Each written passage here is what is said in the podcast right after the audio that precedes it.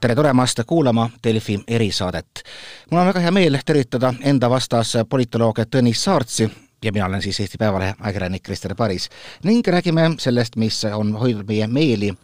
ärevil terve eelmise nädala ja ka nüüd ja natukene hakanud tolm settima. ehk räägime siis ennekõike valitsuse vahetusest ja ümberkujunenud jõujoontest Eestis alustame siis kõigepealt eh, kõige värskemate näitajatega, nimelt on siis Turu-uuringute aktsiaselts teinud eh, küsitluse, kuidas on mõjunud valitsuse vahetus erakondade eh, reitingutele inimeste seas ja tuleb välja, et ta on päris nagu jõulisi hüppeid tulnud. et Reformierakonna toetus näiteks on oluliselt tõusnud, Keskerakonna toetus mõnevõrra langenud, EKRE toetus tõusnud ja näiteks siis opositsiooniline või ütleme siis parlamendiväline Eesti kakssada on, on kukkunud ka ja päris, päris korralikult, et kuivõrd on sellised asjad ootuspärased pärast seda, kui, kui toimuvad koalitsioonide muutused? tere hommikust, ma arvan, et need tulemused ju esmapilgul tunduvad üsna loogilised, sellepärast et äh, Reformierakond ilmselgelt oli võitjate poolel, väga raske on öelda, kust nad siis väga kaotasid, Keskerakonnal on niisugune ambivalent, ambivalentne seis selles mõttes, et mõnes mõttes ju nad tulid päris äh, hullust olukorrast välja, äh, pöörasid kaotuse võiduks, aga tundub, et äh, valijaskond neid ka karistab selle eest. et nüüd iseküsimus on, kas karistatakse korruptsiooni pärast või äh, siin on ka väidetud, et ennekõike see langus on toimunud äh, venekeelses elanikkonnas äh, sellisel juhul võib hüpoteesina välja käia, et, et karistatakse abielureferendumi ärajätmise pärast. ma, sama, samas see tulemuuring näitabki, et venekeelsete valijate toetus on langenud eh, rekordmadalale Keskerakonna jaoks, ehk siis eh, need mingisugused mudelid, mis käidi välja, et võimalik, et eh, vaatamata kogu sellisele nii-öelda rahvuslikule retoorikale võib Vene valija minna hoopiski EKRE taha, võivadki tõele vastata no see on Keskerakonna jaoks tegelikult olnud juba mõni aeg,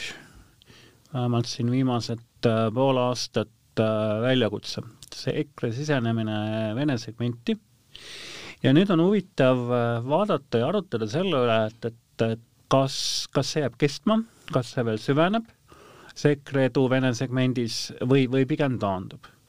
et noh, arvestades, et ka Vene valijatele niisugune EKRE konservatiivne väärtusagenda ja paljud sõnumid lähevad korda ja, ja Keskerakonna liidrite puhul noh, niisuguse nooremapoolse, liberaalse, läänemeelse, läänemeelsete liidrite puhul nad seda retoorikat ei näe, siis ähm, noh, niisuguse ideoloogiliselt, emotsionaalselt võiks neile, neile EKRE ju vägagi korda minna seda enam, kui, kui, kui nad on pikemas perspektiivis pettunud tänases uues koalitsioonis ja leiavad, et see ei ole tegelikult Vene elanikkonna jaoks midagi pakkunud ja, ja pigem asi läheb hullemaks. aga teisest küljest kui nüüd EKRE on valitsusest välja kukkunud, siis ju tegelikult Helmed kaotavad oma tribüüni rääkimaks Vene elanikkonnaga. Need infokanalid, mis neil ennem oli, eks ole, olid valitsuse ministrid, iga, iga sõna võimendati, see jõudis äh, no ja, venekeelsesse meediasse. et Vene valijad Tre raadiot ei kuula? jah, et Vene valijad Tre raadiot ei kuula ja, ja ilmselgelt ka Eesti meedia hakkab äh, EKRE palju vähem tähelepanu pöörama, nii et, et küsimus, et, et kas, kas, kas nende sõnum jõuab sinna ja, ja, ja kuidas see jõuab. ja me teame ka tegelikult seda, et Vene valija üldiselt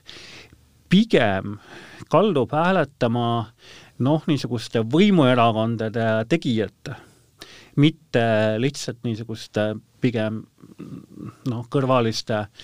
kõrvaliste erakondade poolt, kes võivad olla protestierakonnad, aga noh, kes reaalselt ju asju ei tee, eks ole, sest EKRE ei ole võimus täna riigis, nad ei ole võimul ka Tallinnas. kas, kas see natukene tähendab, seletab ka siis just nimelt Reformierakonna praeguste eduga küsitlustes, et senimaani oli päris palju pettunuid, kes täpselt hakkasid andma oma häält no näiteks Eesti kahesajale kui sellisele noh, võimalikule alternatiivile, aga nüüd, kui suudetakse näha, et nad tegelikult suudavad võimu teostada, siis on tagasi tema taga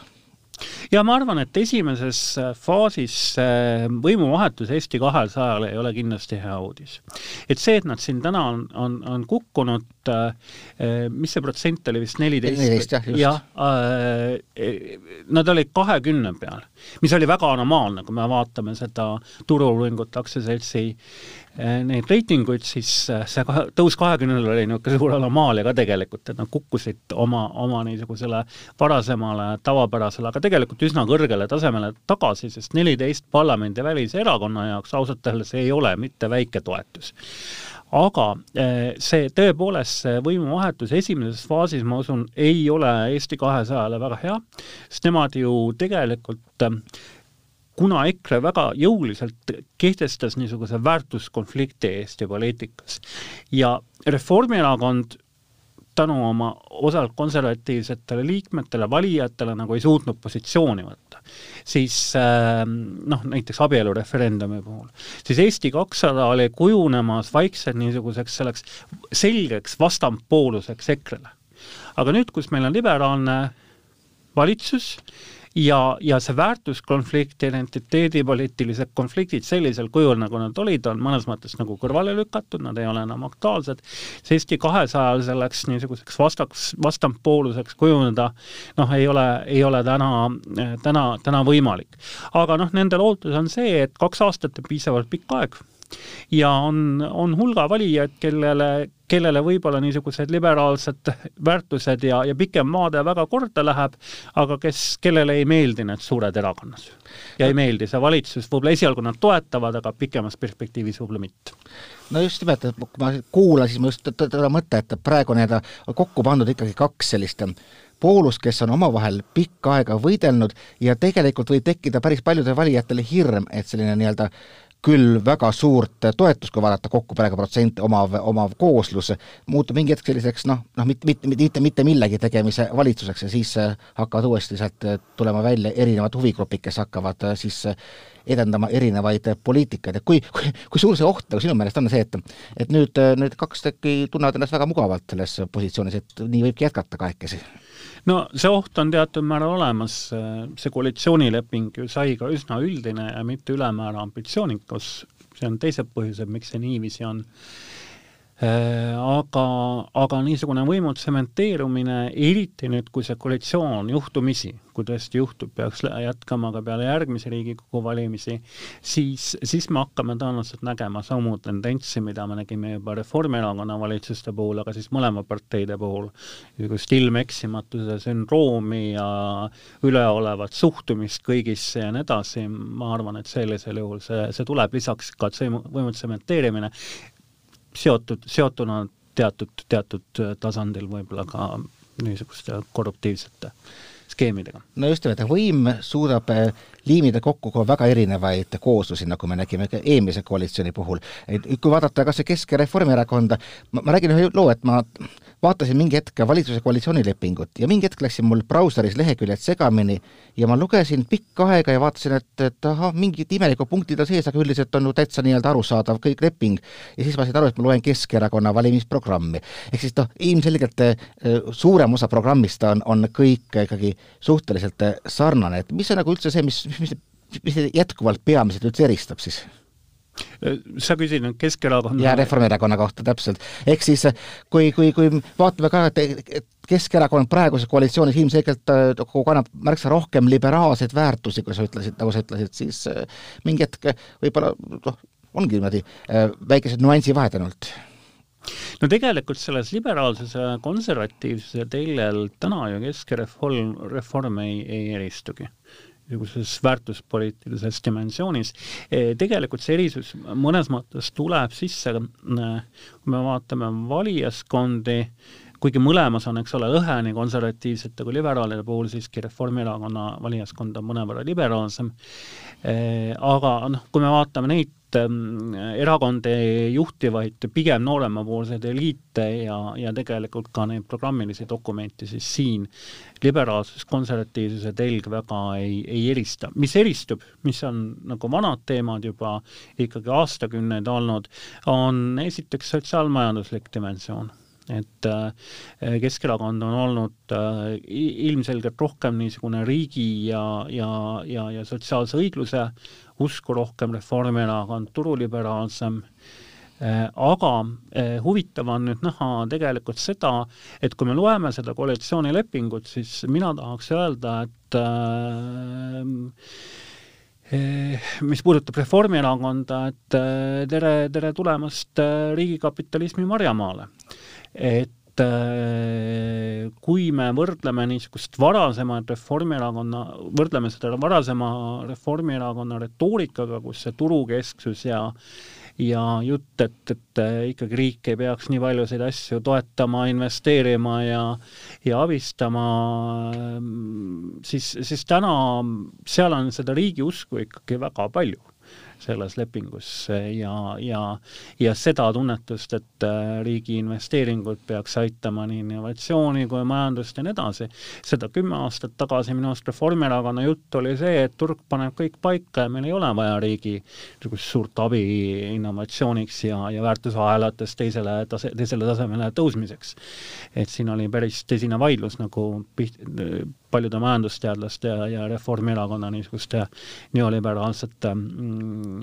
poliitikute vahel selles suhtes. et Reformierakond ka mõnes mõttes on nihkunud võib-olla rohkem keskele. no see nihkumine ju tegelikult hakkas pihta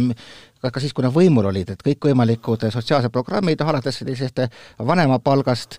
Eh, kus noh, tegelikult Reformierakond ju tõstis toetusi ja, ja tegelikult see nii-öelda eh, sellisest liberaalsest retoorikast oli, oldi juba päris kaugel. no nüüd, kui me vaatame koalitsioonilepingu, siis noh, kõik enam-vähem need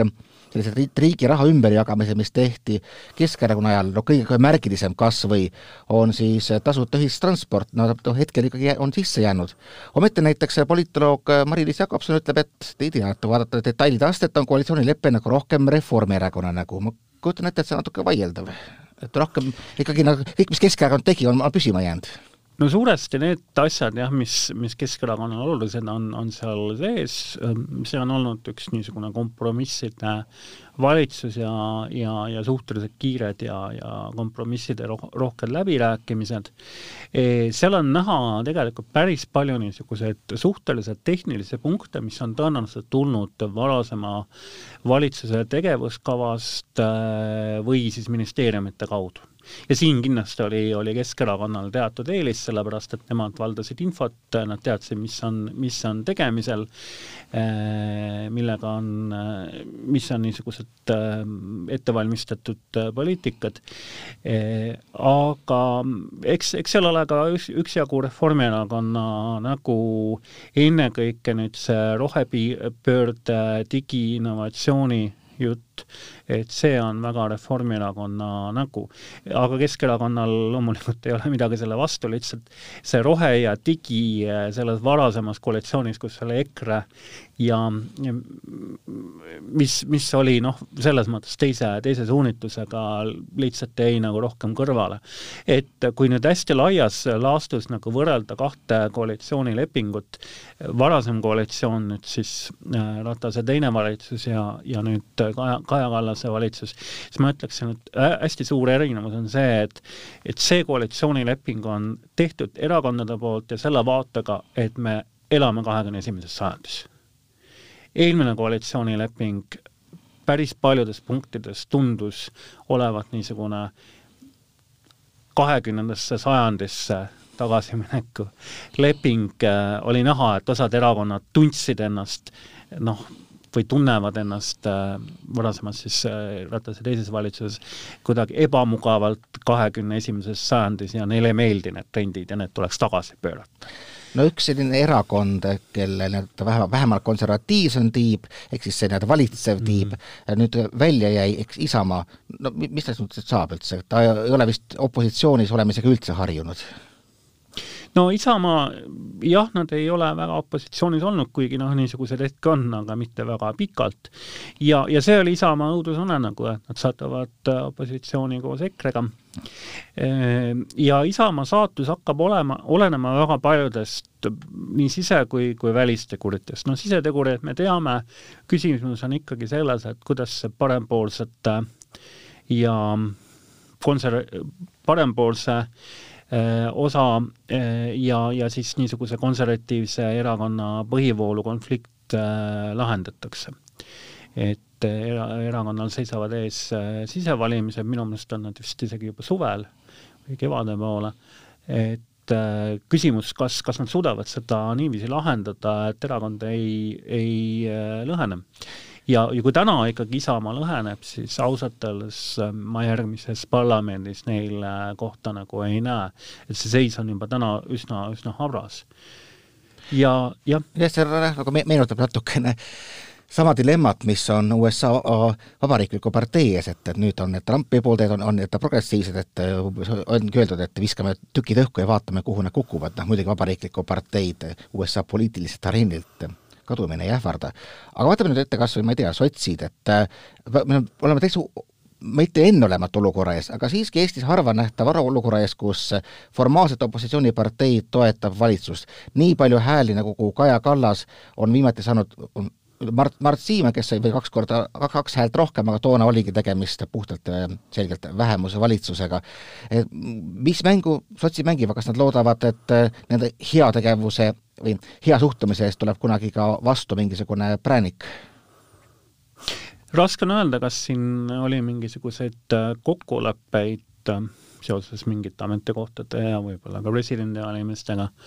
aga noh, selge on see, et, et sotside enda valijad ähm, pigem äh, suhtuvad väga positiivselt, positiivselt sellesse koalitsiooni muutusesse, nii et äh,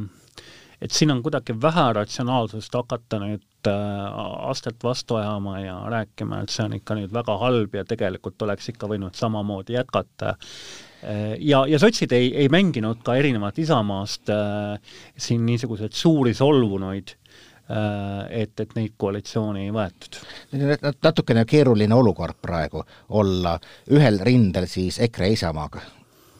Äh, jah, kindlasti, et, et ähm, opositsiooni ühtsust noh, siin on raske kujutada, mis annab muidugi valitsusele rohkem hoobasid kätte, sest äh, nad võivad arvestada ilmselt päris mitmetes kohtades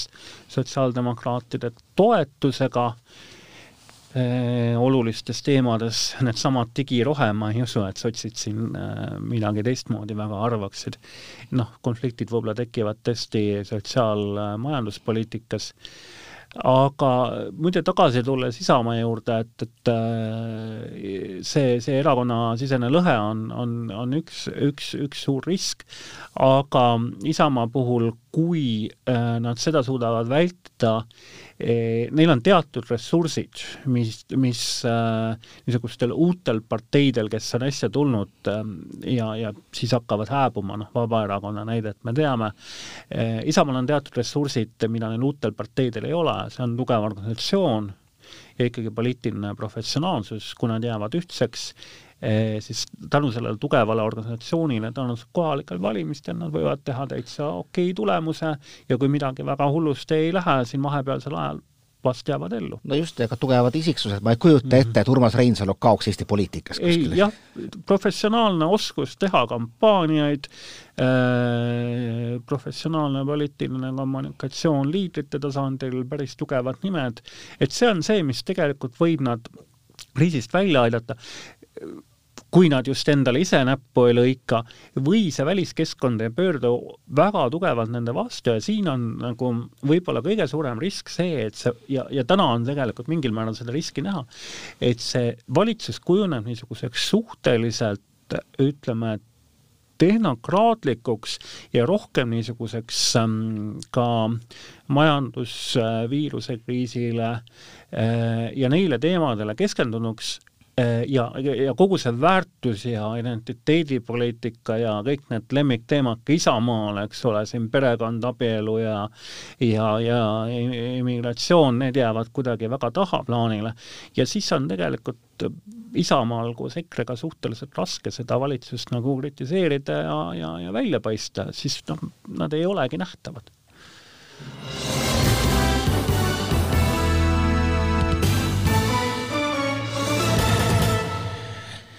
aga, aga läheme edasi, need väärtuskonfliktid jah, siiamaani tõesti defineerisid päris paljuski meie poliitilist maastikku ja need muuhulgas on määratlenud ka siiani seda, et huvitav, kes võiks saada Eesti uueks presidendiks. ning see oli taas ka sel nädalal päevakorras, ennekõike tänu sellele, et Kersti Kaljulaid teatas, et ta ei kandideeri enam OECD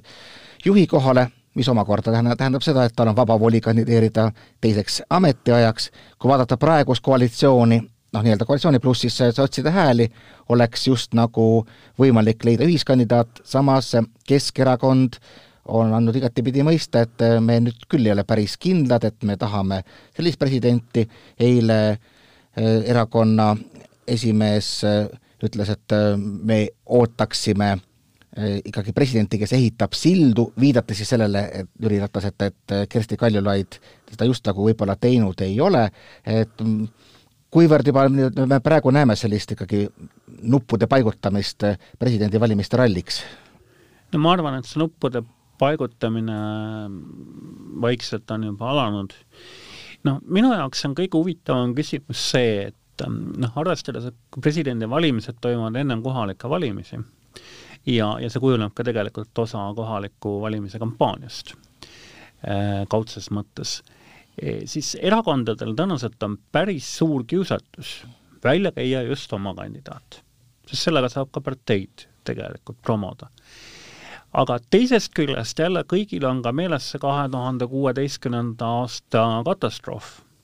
ja kõik teavad ka neid riske mida tähendab see, et kui sa oma kandidaadina nui neljaks lõpuni lähed ja, ja kuhu see võib viia. ja, ja mingil hetkel on hilja juba mängust nagu taanduda ja mingit normaalset kokkulepet teha.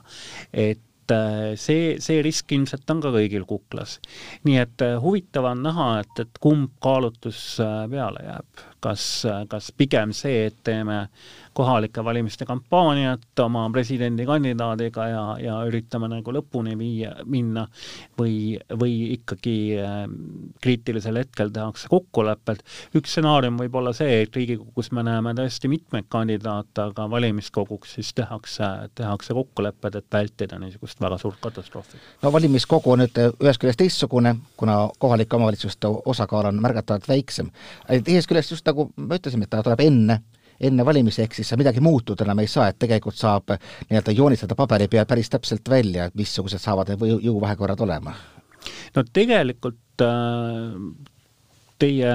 teie enda, enda väljaanne ju on teinud seda analüüsi äh,, Joosep Tiks, et, äh, et sealt tuli ju välja see, et on ka selles, isegi nüüd väiksemas äh, valimiskogus, kus on omavalitsuste äh, Äh, esindajate osakaal väiksem, äh, on päris suur niisugune noh, isegi arvestatav soo, sooelement, ühesõnaga inimesed, kelle, kelle puhul on raske ennustada, kuidas nad hääletavad.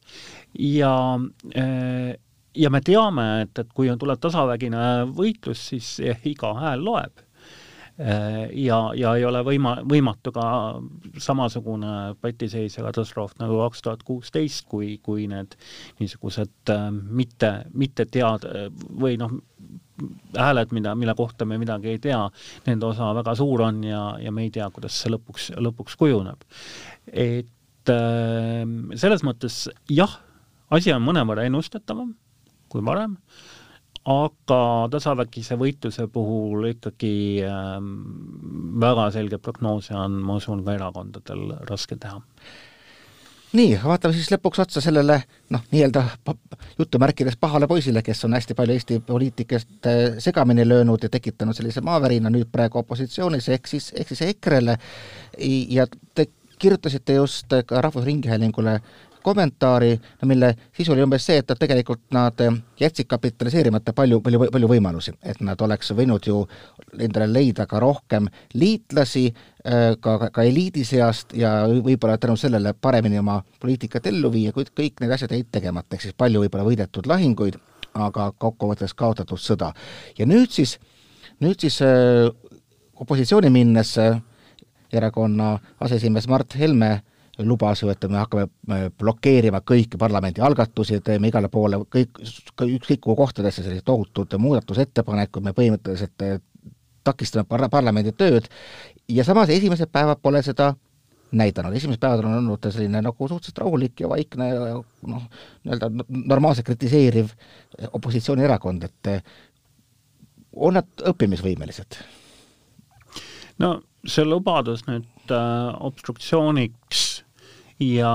ja töö blokeerimiseks ma usun, et EKRE, EKRE juhid on piisavalt targad, et, et nad ka valivad, mis lahingud nad võitlema hakkavad. kui küsimus on nagu viirusekriisis ja mõningates majandusmeetmetes, siis ausalt öeldes mul on raske ette kujutada, et nad hakkavad nagu midagi blokeerima lihtsalt nagu mängu ilu pärast, see oleks juba vastutustundmatu, tundetu ja ma usun ka nende valijad seda päris heaks ei kiida. Kui see uus valitsus niisuguste väga väärtusidentiteedipoliitiliste eelnõudega välja ei tule, siis ähm, noh, tekib küsimus, et, et äh, kus seda obstruktsiooni kasutada aga, aga selge on see, et EKRE näeb ennast ilmselgelt selle opositsiooni liidrina, eh, üritab kasutada võimalikult jõulisi, jõulist retoorikat ja meetodit selleks, et näidata, et tegemist on lausa rahvusriigi vastase valitsusega seda ootavad ka nende valijad, et nad on hästi aktiivsed ja, ja, ja protestimeelsed. aga jah, nagu ma siin Isamaa puhul ka mainisin, eks väike oht on, et kui see valitsus kujuneb väga niisuguseks tehnokraatlikuks, rohkem majandusele ja, ja viirusekriisile suunatuks, siis noh, neid kohti, kus, kus väga jõuliselt valitsusele sisse sõita, hakkab olema vähe et ähm, EKRE lootus on, et äh, niisugused väärtusidentiteedipoliitilised algatused tulevad tagasi. Ja, ja ma kahtlustan ka, et see rohe- ja, ja, ja digipööre, et äh, noh, siin kindlasti EKRE-l teistsugune arusaam aga, aga kuna siin ka midagi niisugust väga enneolematut jõulist ilmselt tulemas ei ole, siis äh, samamoodi mm, ma, ma arvan, et jah, EKRE näitab küll väga niisugust jõulist retoorikat ja nii edasi, aga neid kohti, kus, kus nüüd väga tõsiselt äh, hakata hakata protestima, neid võib-olla isegi on vähem, kui nad täna kujutlevad et noh, mingid nii-öelda tuumikvalijad jäävad alles, aga aga puudub selline laiem baas, mille pealt siis tõsta seda kõike no see oleneb väga paljuski sellest, äh, kui me räägime EKRE tuleviku võimalikust toetusest, siis see väga paljuski oleneb sellest, et kuidas nüüd areneb ka see majanduskriisi aspekt, et äh, täna see seis on suhteliselt hea, parem kui prognoosid, aga kas see niiviisi jääb ja tegelikult paljud eksperdid ütlevad, et see tõsine tagasilöök tuleb võib-olla selle aasta teisel poolel hoopis järgmine aasta kus me näeme seda tõsist nagu mõju nii tööhõivele kui majandusele. Ja, ja küsimus on, kas EKRE suudab seda rahulolematust, sotsiaalmajanduslikku rahulolematust tegelikult kapitaliseerida, selles mõttes, et nemad on ju seni olnud niisugune väärtusidentiteedipoliitika erakond, et neil ei ole olnud niisugust väga head sotsiaalmajanduslikku programmi et, et kas, kas neil, neil õnnestub seda rahulolematust enda kasuks pöörata, mul on siin, siin tõsised kahtlused, et, et see veidikene eeldabki erakonna võib-olla sõnumite strateegia muutust sest kui sul on ikkagi noh, sotsiaalmajanduslik rahulolematus, tööpuudus kasvab ja nii edasi, siis äh, rääkida ainult immigratsioonist ja abielu äh, definitsioonist, noh, see ei ole see jutt, mida see valijaskond äh, lõpuks kuulata tahaks, nad tahaksid reaalselt lahendusi kuulda no eile kodanikuaktivist Jevgeni Kristofovitš meie kommentaariumis ütles, et noh, et EKRE-le sai saatuslikuks ebakompetentsus. noh, me vaatame ka mujal Euroopas, kus populistlikud parteid tihti põruvadki selle läbi, et nad tegelikult, neil puudub suutlikkus valitseda, siis pärast seda tekivad sise, sisetülid, nad lagunevad ja kuivõrd see on, on, on Kristofovitši soovunelm? no kui me vaatame äh, parempopulistlike parteide toetust erinevates Euroopa riikides, siis see on väga iseloomulik, et see käib nagu sinoidina üles-alla. et mingisugune hetk nad on hästi populaarsed, nad lähevad valitsusse Äh, Lääne-Euroopas tihtipeale see lõpeb ka sellega, et kuna nad peavad valitsuses oma radikaalsust äh, tagasi tõmbama, siis nende toetus ka kukub, tükk aega suhteliselt all, siis jälle tuleb suur tõus. et noh, seda mustrit on väga paljudes riikides näha, Ida-Euroopas on need, need toetuskõverad olnud mõnevõrra laugemad Äh, ja noh, ka EKRE puhul tegelikult seni ju me vaatame, jah, nende toetus valitsuses olles on mõnevõrra langenud, aga see toetuslangus on olnud ka väga lauge, et see ei ole olnud niisugune äkiline. et äh, seetõttu äh, ma arvan, et EKRE tõenäoliselt on, on hästi ette valmistatud selleks, et oma püsivalijaskond säilitada, aga suur küsimus on selles, et, et kui, et EKRE saaks nüüd tõesti uuesti koalitsiooni kõlbulikuks, nad peavad tegema väga hea tulemuse äh, järgmistel Riigikogu valimistel et äh, kui nad jäävad tõesti sinna kuskil kümne-viieteistkümne protsendi peale, on ju, siis noh, neid ignoreerida on väga kerge. selleks, et, et saada valitsusse, on vaja vähemalt kakskümmend viis või kolmkümmend. kust tuleb see pool juurde? nii, võtame siis lõpus kokku, et üks koht, kus saaks tekitada pinge, mis tooks neile hääli juurde, see on natukene ka sisse söödetud kas või näiteks äh, roheliste algatatud allkirjade kogumisega, ikka kogu seesama abielu temaatika, et äh, millal tuleks ette võtta, sest kas nüüd kohe praegu ära teha, et see siis ärritus langeks või siis, või siis üldse mitte selle koosseisu jooksul, kui mitte tahta EKRE-le lihtsalt hagu alla anda? no kui me vaatame koalitsioonilepingut ja tänast äh, koalitsioonierakondade retoorikat, siis mulle tundub, et see šokk EKRE kiirest esiletõusust oli ikkagi liberaalsema osa Eesti poliitilise eliidi jaoks vägagi korralik. ja, ja sellest ollakse õpitud ja seetõttu mulle tundub, et see valitsus pigem väldib niisugust identiteedi väärtuspõhiste teemade tõstatamist. jah, strateegiliselt on täna vist kõige õigem hetk et abielu, vabandust, kooseluseaduse rakendusaktid vastu võtta, siin tegelikult poliitiline toetus oleks olemas, aga mulle tundub, vaadates, kui ettevaatlikult teemasse suhtutakse, et kardetakse. ja, ja, ja võimalik, et, et, et seda ka ei tule. nii et mulle tundub, et pigem strateegia on see, et üritame võimalikult vähe kont-, EKRE-le ette anda, eh, seda enam, et kui tuleb veel majanduskriis ja nii edasi, siis see võib äh, kätte maksta. nii et üritatakse seda EKRE, EKRE tõusuvõimalusi võimalikult madalaks ma,, madalal hoida. aitäh, politoloog Tõnis Sartsile!